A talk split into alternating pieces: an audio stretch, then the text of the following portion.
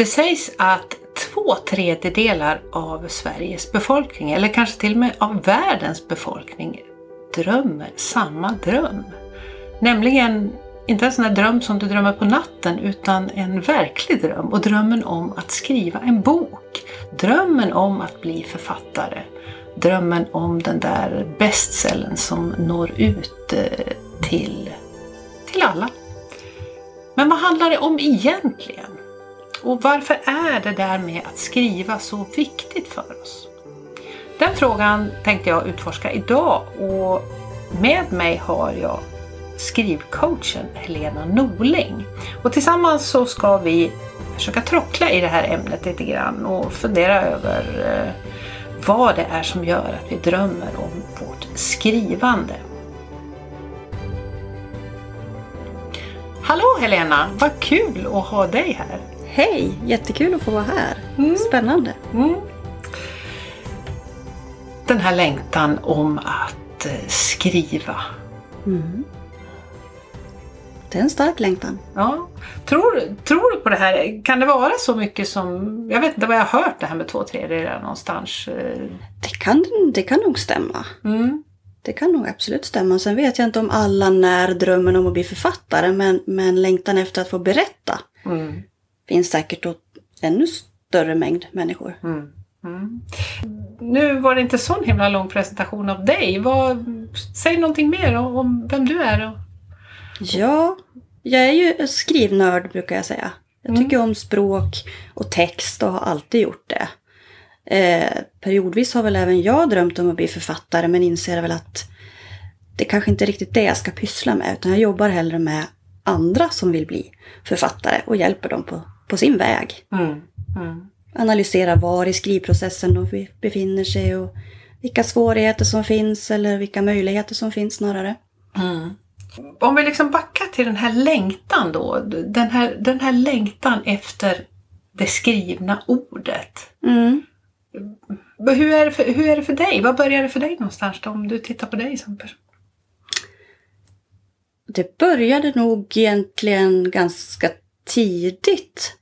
Ehm, jag hade en lågstadiefröken som var väldigt intresserad av både böcker och skrivande. Hon var väl så här, konstnärssjäl överlag. Mm. Spelade musik och, och sjöng mycket och sådär. Men hon var en fantastisk kvinna på att berätta historier. Och hon kunde läsa en saga för oss i klassrummet som hon sen slog ihop boken och så fortsatte hon och spånade vidare själv. Mm. Och vi fick ofta gå med ut i skogen på utflykter och se ni trollet? Och lite sådana här saker. Och så fick vi berätta. Så där någonstans började mm. det här att man ville skriva sagor och det var väldigt spännande. Mm.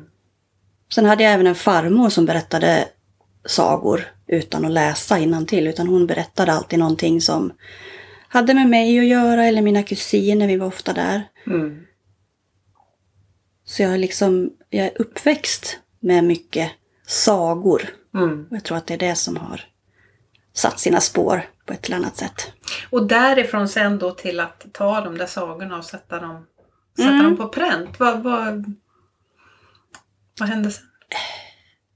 Jo, men jag, började, jag skrev ju väldigt tidigt och jag började ju skriva i skolan naturligtvis då. Mm. Och jag fick ju alltid extra papper. De delade ut papper till eleverna när det var dags att skriva uppsats. Så fick jag alltid en bunt för det blev så himla mycket. eh, men så fort jag, jag har alltid skrivit. Skrivit mm. dagbok. Jag har skrivit dikter när jag, från när jag var väldigt, väldigt liten. Jag har liksom haft ett, eh, ett behov av att uttrycka mig. För jag var väldigt blyg när jag var liten vill inte prata så mycket med okända människor. Jag vill inte prata så mycket med någon egentligen. Mm. Och framförallt inte om känslor och vad jag tyckte och tänkte. Men det fanns liksom ett behov av att det måste få komma ut ändå. Mm. Och det gjorde det? Och det gjorde på det. pappret? På pappret. Vad hände med pappret? Oj, jag har mycket papper. har... Du har dem kvar alltså? Ja, inte allt. Jag har flyttat så pass många gånger. Men alltså det finns några kartonger där på, på vinden. Mm. Och det finns faktiskt vettigt material att plocka ifrån det att jag var väldigt, väldigt ung. Man kan hitta saker som man kan bygga vidare på. Mm. Så att det, ja. Uh, så du, nu, du har ju skrivkurser. Mm. och inför det här avsnittet så funderade vi lite grann på, på just den här längtan att skriva. Och vi tänkte att vi skulle försöka hitta några olika drivkrafter bakom det här, det här skrivandet. Om vi börjar med din drivkraft, hur skulle du rubricera den? Om vi liksom börjar att peta i den. Det är ett, för mig är det nödvändigt. Jag måste, jag måste skriva. Mm. För jag har så mycket tankar. Dels kan det vara en hjälp att sortera tankar. Mm. Eh, men det är ett behov av att få uttrycka mig och få berätta saker. Mm. Och jag tror att i och med pandemin så har det här behovet ökat ännu mer hos, hos människor generellt. Och kanske även hos mig. Man har fått lite mer man har fått lite mer tid att fundera kanske och man har fått prioritera om och kanske hittat andra saker som är viktiga. Mm. Jag läste någonstans att det, det, har ökat enormt inskickade ja. Eh, bokmanus till, ja. till förlag och så. Att det, det liksom, de har överöst av folk som har suttit hemma och, och skrivit Precis. olika saker. Ja. ja. Så att, eh, det stämmer nog. Ja. Mm. När vi äntligen får tid då att skriva. Ja, mm. exakt. Mm. Så eh, hur ska vi kategorisera det då? Tvång nästan va? behov, ja, fysiskt alltså, behov av... Ja, eller som ja. En, lite en drog. Ja. Man, man mår bra när man har skrivit. Ja. Oftast. Mm. Så, så i det fallet där, där finns det liksom ingen, det finns ingen option där utan det är, ja, ja. Det, det, är en del av livet liksom. Ja. Mm. Det är ett sätt att kanalisera alla möjliga sorters mm. känslor. Ilska och glädje och sorg, allt möjligt. Mm. Eh, och de här som du möter då i dina skrivarkurser som du har haft under mm. åren. Vad, vad finns det mer där? Vad, vad har du mött för någonting? Om vi vad kan det finnas mer för drivkrafter? Det finns naturligtvis några som, som verkligen, jag ska bli författare. Hur blir jag det? Sen finns det de som har skrivit och lagt saker i skrivbordslådan sedan många år tillbaka. Mm. Men vill hitta tillbaka till lusten att skriva. För det är mycket det. Jag baserar nästan allt på lust. Mm. Eh, det här med att vara språkpolis är inte mitt uppdrag utan det är att lyfta fram berättandet. Mm. Och att det ska vara just lustfyllt och utan prestationskrav. Mm. De som när de här riktiga konkreta författardrömmarna, de coachar jag sen oftast vidare eh, enskilt. Mm. För kurserna är mer baserade på lekfullhet och hitta lusten genom olika övningar och praktiska eh, saker. Mm. Mm. Uh, jag tänker i det här, just när vi pratar om det här med lust och så, hur mycket, hur mycket tror du att prestationskravet eh, stoppar oss från att skriva generellt? 80 procent. Ja, det är så pass? Ja, det skulle jag tro. Hos, hos vuxna. Jag har, ja, ja, jag har ja. även skrivit kurser för barn och unga. Mm. Och då är de mellan 6 och 16 år. Och de har liksom inte utvecklat den här inre censuren. Utan de bara, de bara berättar och så mm. får det vara hur tokigt som helst. Mm. Inga begränsningar överhuvudtaget. Och det är dit jag vill nå även med de vuxna. För det ska bli rätt och det får inte påminna för mycket om någon annan. Och tänk, jag kan ju inte skriva lika bra som den eller och så vidare. Mycket, mycket mm. sånt där. Som, som så redan där, liksom, i, i, redan innan vi har satt pennan liksom, ja. till pappret så, så händer det någonting? Ja. ja. Ja, intressant. Mm. Så att skapa den här lusten då att skriva, det... det men de här som drömmer, vad, vad tror du att de drömmer om då i, i det hela? Är det liksom... Är det boken eller är det ett liv som författare eller är det liksom... Vad... En del har ju väldigt konkreta saker. De kommer behöver hjälp att skriva sig ur en skilsmässa. Mm. Bara för att få ur sig det. Mm. Eh, och man har ju ganska mycket makt när man sitter där med pennan. Du kan ju skriva utan att bli avbruten. Du får liksom tid och utrymme att skriva eh, precis vad du tycker och tänker och känner. Eh, och liksom lasta ur sig allt elände. Mm. Sen har man ju en stor förmån också som skribent eller författare. Eh, du kan ju bli väldigt personlig, du kan bli väldigt elak och du kan ju alltid gömma dig bakom en fiktiv figur. Du kan ju alltid skriva i en annan person. Du kan mm. ju skriva om någon annan. Mm. Det behöver ju inte vara jag. Nej, precis, precis. Att du kan liksom... Så det kan vara väldigt befriande också. Mm. Och då är vi nästan inne på någon slags terapiform. Ja, lite liksom. så. Att, att, eh, jag vet ju att det finns sådana som jobbar med, ja, Ja. jobbar med det som så att säga en terapiform. Ja. Så att, eh, specifikt för att, att ta sig ur olika... Trauman och Ja. sådana saker också. Mm, mm, Och mindre svårigheter. mm, Mm. mm. Mm. Eh, någonting som jag tycker väldigt mycket om och som jag eh, periodvis gör väldigt mycket är ju det här att skriva på morgonen. Mm. Vad tänker du om det? Vad har du för erfarenheter där? Jag är ju mer så här att jag kan vakna mitt i natten. Det är ju en ganska dålig ovana. Men ungefär mellan två och fyra brukar jag ligga vaken. Mm. Så har jag sedan jag var tonåring. För då är huvudet fullt av massor med både bra och dåliga tankar. Men jag behöver ofta sortera någonstans där. Mm. Så block och penna bredvid sängen, det är ett måste. Eh, och så skriver jag ner allting. Sen på morgonen är det inte alltid det är så vettigt det där som jag skrev. Men jag bär med mig blocket under dagen. Och någonstans sen eftermiddag brukar jag kunna plocka upp det där igen och se om det är någonting som är vettigt. Åh. Vad gör du med det då? Då skriver jag, jag har ju mina lappar och mina block. Jag har ju speciella block, men jag skriver liksom en vecko, veckoberättelse kan man Wow. säga. Med alla mina konstiga tankar. Och en del blir ingenting och en del blir eh, uppslag till reportage och en del kan bli ja, dikter eller så passar något stycke in i någon påbörjad novell eller kan vara ett uppslag till Wow. någonting i, i nästa skrivarkurs. Så det, är liksom, det blir liksom ett, som ett kartotek. Det Ja. börjar som en, liksom, som en Mm. post-it-lapp där någonstans mitt i natten. Precis. Och sen går det in i någon slags kanal och så går Ja. det vidare. Så här, vad häftigt.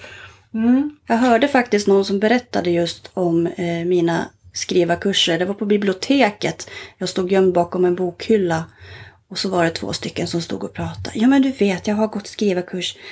Ja, nej men jag vet inte vem hon... Ja men hon med alla post-it-lappar. Jaha, Helena! ja, Ja. så jag använder även det systemet i kurserna. Ja. Mm. Vad kul. Eh, men jag tänkte just det här när du vaknar upp på natten och skriver. Mm. Eh, liksom, är det riktigt sån här skrivning så att du liksom tänder lampan och liksom sitter länge och så? Eller, eller kastar du bara ner liksom några Ja. tankar sådär? Bara kasta ner någonting. Brukar inte försöka, jag försöker undvika att tända lampan. Men, men eh, lyser lite med telefonen eller så skriver jag bara. Mm. Ändå Och hoppas sådär. att jag kan läsa det på morgonen. Ja, för, för jag... Jag tänker ofta ibland så här att... Nej, för jag får ju, ibland så vaknar jag till eller så, eller så har jag drömt någonting och så tänker jag så här, åh det där var en bra Mm. grej. Det där skulle jag ta med mig. Och så tänker jag, ja det kommer jag ihåg. Och så vaknar jag på morgonen. Det gör jag ju inte. Nej, Och då önskar jag ju liksom, kanske skulle jag haft ett block där ändå. Eh, fast är det tillräckligt bra, då poppar det upp. Ja, ett senare tillfälle. jag har nog tänkt så lite Ja, grann också. Det gör det. Men samtidigt har jag hört om, om många och som du säger just det här att är man författare ska man liksom ha det här blocket med sig överallt. Har du ett block med dig överallt förresten? Absolut. Ja. Ja. Mm. Man kan spionera på folk, det är jättespännande. Man hör mycket roliga saker i kön på ICA eller... Det har varit lite glest nu under pandemin men Mm. åka tåg är ju fantastiskt. Mm. Många dialoger som kan liksom leda vidare till andra saker. Så det brukar jag uppmana alla som går kursen ut och spionera. De får konkreta uppgifter, hur vad de ska lyssna efter och hur de ska... Åh vad spännande! Ja. Mm. Ge något exempel på det där. Eh, jag brukar, en övning är att man ska gå ut och lyssna och se om man kan eh, avgöra vilket yrke personerna har som pratar. Om Mhm. de har någon viss jargong, om de använder vissa uttryck. Mm. Man hör ju ganska snabbt om någon är hantverkare till exempel. Mm. Och sådana saker. Och sen hur folk pratar. Alltså om man är äldre eller om man är yngre. Man pratar ju oftast lite mer eh, ordfattigt som, som ung idag. Det är Mm. mycket mer ljud och annat. Ja. Vilket jag tror hänger ihop med, med sms-kulturen. Alltså vi behöver, vi behöver inte uttrycka oss så väl utan vi kan trycka dit en glad gubbe eller en flamenco-dansande tjej och så har vi liksom förstärkt vårt budskap. Mm. Jag tror att äldre personer behöver mer ord för att uttrycka sig. Mm. Och sådana här saker är också lite spännande att gå, gå omkring och spionera på folk. Och lyssna. Åh, jag blev sugen nu att sätta mig på tåg. Jag har Ja. faktiskt inte åkt tåg sen, eh, sen pandemin kom. Annars så älskar jag att åka tåg. Mm. Och jag, har, egentligen, jag har någon sån här dröm om att jag skulle vilja sätta mig på tåget upp till Narvik Mm. och skriva. Och så Mm. åka dit upp och så liksom kliva ur och kanske vara där någon dag och så Ja. åka tillbaks och så skriva. Kanske Precis. vore ett bra tips för en sån här skrivarresa. Ja, Eh, och bara liksom... För, jag skriver väldigt, väldigt bra på tåg, slog det mig. Ja. Eh, och flyg Ja. också. Alla såna här liksom stängda platser, då brukar orden flöda. Ja. Ur mig i alla fall. ja, det är lite svårare för mig om jag tillfälligt besöker Stockholm. På tunnelbanan får jag sällan inspiration. Ja, nej, det är lite stökigt. Men man Ja. säger när man kommer på tåget och man liksom dunkar ut det här Ja. och så hör man den här rälsen som, som Mm. man kanske inte hör så ofta nu mer. Men just det här ändå när landskapet far förbi Mm. och så. Då får jag i alla fall väldigt, väldigt stor skrivro. Ja. Mm. Eh, jo, det här som jag pratade om då när vi pratade om dina nattliga vanor här. Att, att, att skriva. Det här morgonskrivandet. Mm. Eh, För mig så är det lite, vi pratade innan här också just här om att det finns lite mindfulness, lite, lite mm, personlig utvecklingsskrivande. Mm. Mm. Jag tycker väldigt mycket om det här att skriva liksom på sätta ord på de tankar och känslor jag har när jag vaknar liksom. Eller, Ja. eller det första jag gör innan Mm. jag liksom har kopplat på någonting.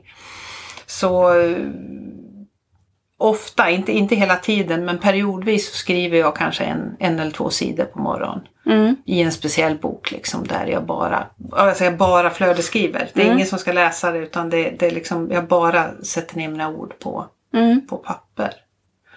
Läser du det själv sen? Ja, det har hänt någon gång ibland att jag gör det. Ofta kan jag inte läsa vad jag skrivit. eh, ibland har jag gjort det om jag har gjort något mer strukturerat, att jag har försökt fånga någon idé som jag har. Mm. Men i, ofta är det bara liksom, det är bara mm, rammer liksom. Mm. Inte, mm, Fast det är nog inte det. nej, du tror inte det? Nej, jag Nej. tror att du ska gå tillbaka. Och läsa? Ja, Mm. så Mm. kommer du kunna plocka bitar bygga vidare på till någonting annat. Eh, någonting spännande som jag faktiskt gick tillbaka och läste, eh, det var när jag började när jag började utbilda mig till coach och när jag hoppade av då mitt gamla liv som revisor. Alldeles precis där i brytningspunkten så gick jag en kurs Mm. där vi skulle skriva om eh, självsabotörer. Mm. Och för dig som lyssnar nu så finns det ett avsnitt där Malin Lundskog och jag pratar om självsabotörerna och Malin och jag gick den här kursen tillsammans. Och det här var 2015. Och det här har jag kvar för då fick vi skriva i ett sånt här Google-dokument och så Mm. fick vi bevittna varandra och läsa. Och den här har jag kvar de här veckorna, jag tror det var, det är nog nästan två månader. Och det var ju jättehäftigt att läsa för Ja. där delade jag alla mina de här oron för att kan man verkligen liksom byta inriktning i livet, kan man byta jobb och Mm. liksom sådana här saker. Så att de har jag faktiskt läst men, men jag tror inte det, annars har jag 50-11 anteckningsböcker med allt möjligt. Mm, jo, Mm. förstår. Men just det där med att man befinner sig i en brytpunkt eller en kris eller att man ska bara... Det kan handla om byta jobb, eh, ge sig ut på en resa, allting som gör ett, ett avbräck från det vanliga. Mm. Där finns det ofta ett stort behov av att skriva. Mm. Och där kommer mycket tankar, oro, känslor. Och det ska, de anteckningarna ska man behålla. Mm. Så eh, vad, vad ger du den, den som liksom kanske sitter i en sån här, hur gör man? Är det bara att sätta pennan till liksom bara... Ja, det är olika lång startsträcka för olika Mm. människor. En del har ju väldigt lätt Mm. när de väl har satt pennan på pappret. Mm. Eh, men flödesskriva är ju inte fel. Alltså bara skriva. Sätt en timer på tre minuter. Och skriv utan i stort sett lyfta pennan. Skriv bara. Mm. Och har du ingenting att skriva om så skriv att jag har ingenting att skriva om. Jag skriver därför att och så vidare och så vidare. Mm. Det kommer alltid någon liten knorr. Mm. Även om man inte ser det på en gång. Så det är bara att sätta igång och framförallt prioritera den här tiden. Precis som du prioriterar äta bra, sova bra, motionera. Är det viktigt för dig att skriva så planera in tid. Mm. Minst 15 minuter skrivtid om dagen behöver man. Mm. Det är lite som att träna. Mm. 15 minuter. Det kan räcka. Mm. Sen märker man efter ett tag att det räcker inte med 15 minuter. Men Det är 15 liksom ett sätt att trigga Ja. igång det hela. Folk kan tycka att det känns jättemycket. Medan en del tycker att det är ingenting alls. Mm. Men det kan vara viktigt att, att lära sig att sätta tid också. Mm. Begränsa sig. Du får inte skriva mer än 15 minuter. Mm. Så får du bära med dig resten som du inte får ur till nästa dag. Ja, precis. Då skapar Mm. man liksom en liten sug efter den här, Ja, den här stunden. precis. Då. Ja. Så det finns lite olika tricks för att komma igång eller komma vidare. Ja, och, och om det här... För du, du har ju kurser då på olika nivåer. Liksom.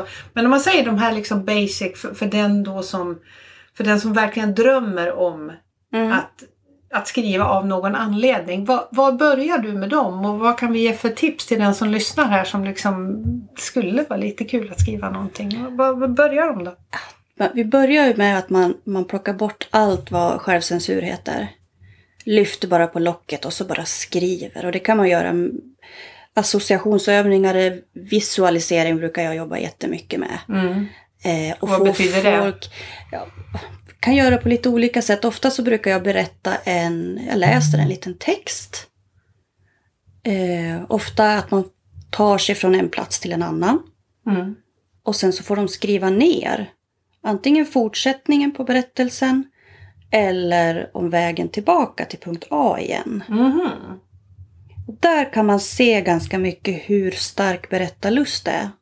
De som fortsätter promenaden när vi har kommit fram från A till B Mm. och fortsätter att berätta, där har vi inga problem. De som går tillbaka från punkt B till punkt A och försöker redogöra för allting det jag berättade. Att vi passerade två älgar, tre tallar, en stubbe och så vidare. De är på en annan nivå. De har inte liksom släppt fram det här kreativa än. Så de kan man behöva bolla lite mer med. Men de som tänker bortanför skogen redan från början. Där har man, där har man mycket lättare. Intressant. Eh, Det får mig att tänka på att den ena då eh, skapar ju någonting eget. Ja. Den andra rapporterar mer. Och vill göra rätt. Ja, just det. Just det. Mm. Mm. Det kan ha med, med feminint och maskulint att göra också som du brukar prata om. Mm. Tror jag. Att i, vår- i vår iver liksom att prestera där. Mm. Det här med att man går tillbaka och rapporterar det jag har berättat, det händer aldrig när jag har kurser för barn och ungdomar. De fortsätter alltid. De är inte så intresserade av att blicka tillbaka och, och analysera och liksom fundera över. Nej, för när de väl har kommit igång, då är det liksom... Då kör de. Ja. Hm. Och Ja, nu ska jag inte fortsätta på den tråden utan vad händer sen då när man liksom kommer igång så här? Vad, vad, vad tar du dem igenom för en steg igen då? Man lär ju lära sig grunderna, liksom hur bygger man en, en bra text? Det finns ju vissa skrivregler som man måste hålla sig till. Man måste ju ha en, en huvudperson, man måste ha en miljö, man måste ha en intrig och så vidare och så Mm. vidare. Mm. De flesta har väl, antingen har man början eller så har man slutet och behöver hjälp att fylla på däremellan. Mm. Eller så kommer någon med ha en jättebra intrig. Mm. Men hur sjutton ska jag ta mig dit och framförallt hur ska jag ta mig därifrån? Mm. Eh, Så det finns lite olika tips och, och tricks där. Mm. Men det, det, det Och det är ju om... de liksom då som vill skriva liksom en bok Ja, eller, en precis, berättelse eller en av- berättelse, berättelse ja. av något slag. Då. Så att, ehm, eh, men i övrigt då, finns det något annat tips till de här då som, liksom, som vill komma igång då? Att bara liksom skriva för att det... Du, du pratar om visualisering, finns det någonting mer där? Något spännande de får göra? Ja, oftast, jag, min dröm är ju att, att de fortsätter efter skrivarkursen. Mm. Och jag har ett gäng som har hållit på i många, många år nu. Och, och träffas regelbundet. Och byter texter med varandra. Mm. Och är liksom varandras kritiker. Och det är ju någon sorts eh, det är ju lite målet med det hela. För du måste ju, ska du bli författare så måste du släppa ifrån dig ditt material förr eller senare och det är jätteläskigt. Mm. Tycker många. Mm. Men gör man det i en liten trygg grupp från början så brukar det kunna leda vidare till någonting större så småningom. Mm. Så det handlar mycket om att våga. Och våga. Mm. För man lämnar ju alltid ut en del av sig själv. Även om du skriver science fiction så finns det ju alltid en del av dig med i berättandet. I berättandet. Ja. Mm. Mm. Eh, och vad jag tänker på, det, vad som slår mig här, eh, det här att läsa, läsa för andra. Eh, om, vi, om vi fortsätter på läsandet då, hur stor... Vad betyder läsandet, det egna läsandet för skrivandet? Oerhört mycket. Dels eh, för att få inspiration.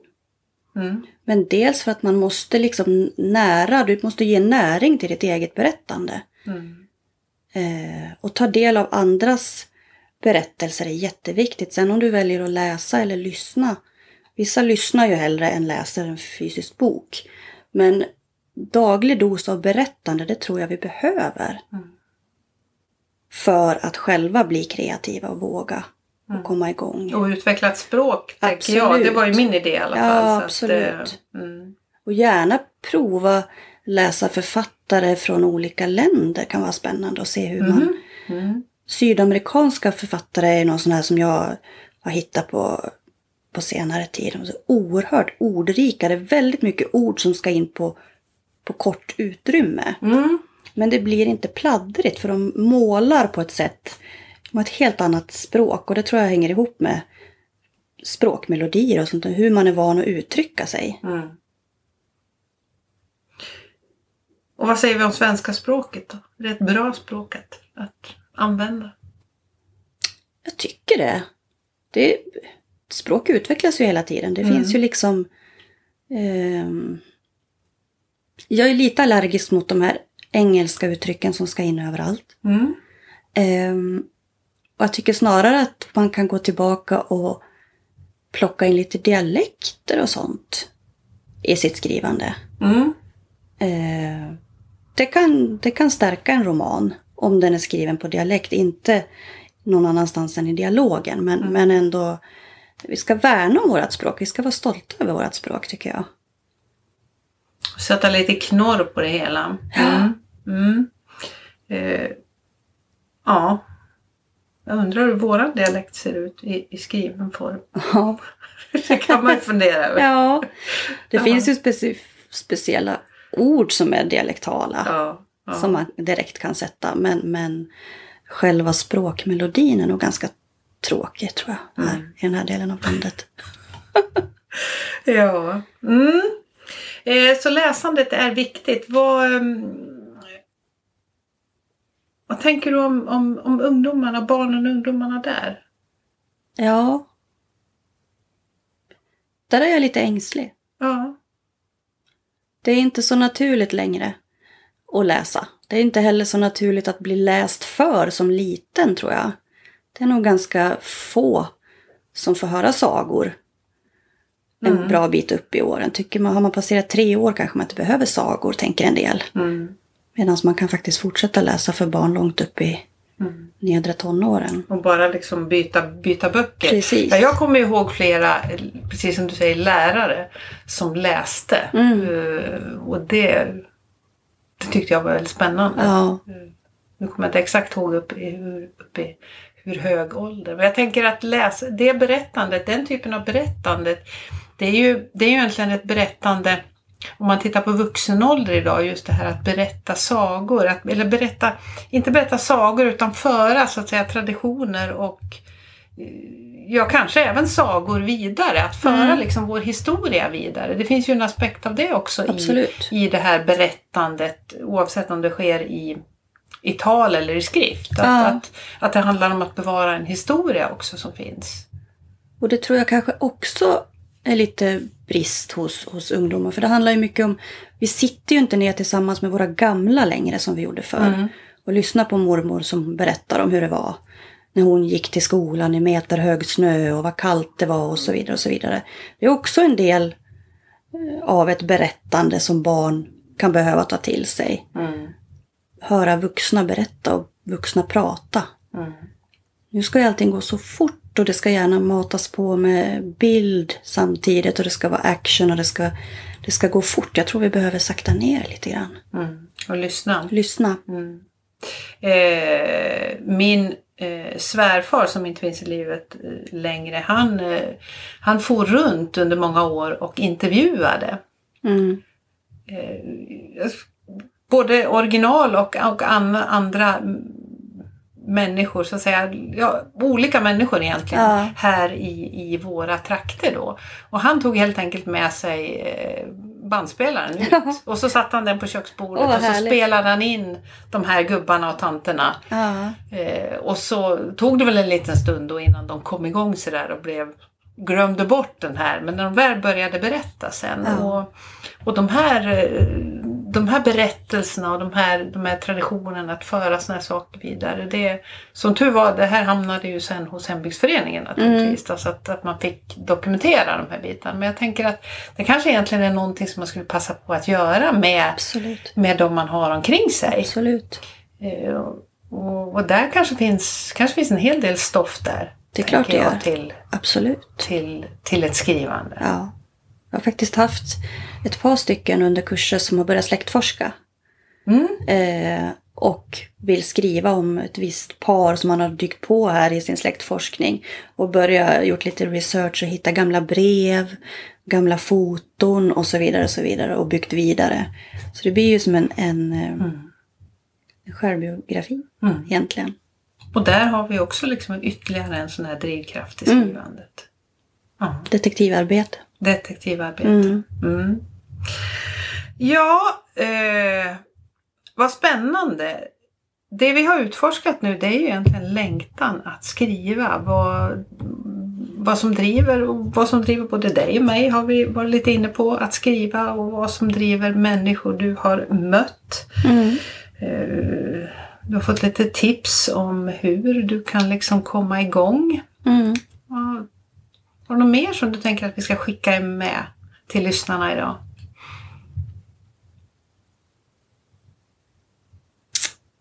Våga. Våga, våga göra fel. Våga skriv. Det behöver inte resultera i någonting konkret. Skriv bara för att det är kul. Och ha en skrivbok vid sängen. Var det så? Absolut. Absolut. Det ska jag faktiskt testa, det, det lovar jag. Ja.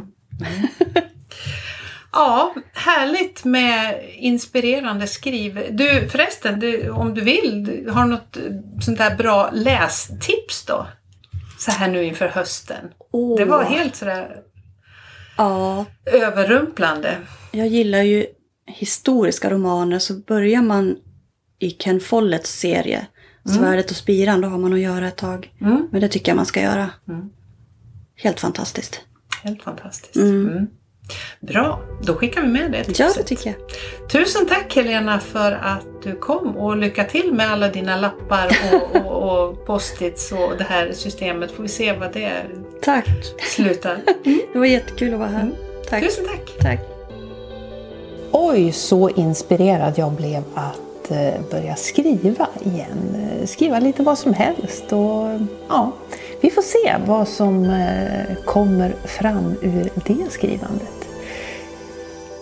Tusen tack för att du har lyssnat idag och eh, titta gärna in till mig på Instagram. Där heter jag Kiki Westerberg och eh, tala om vad du tyckte om det här avsnittet.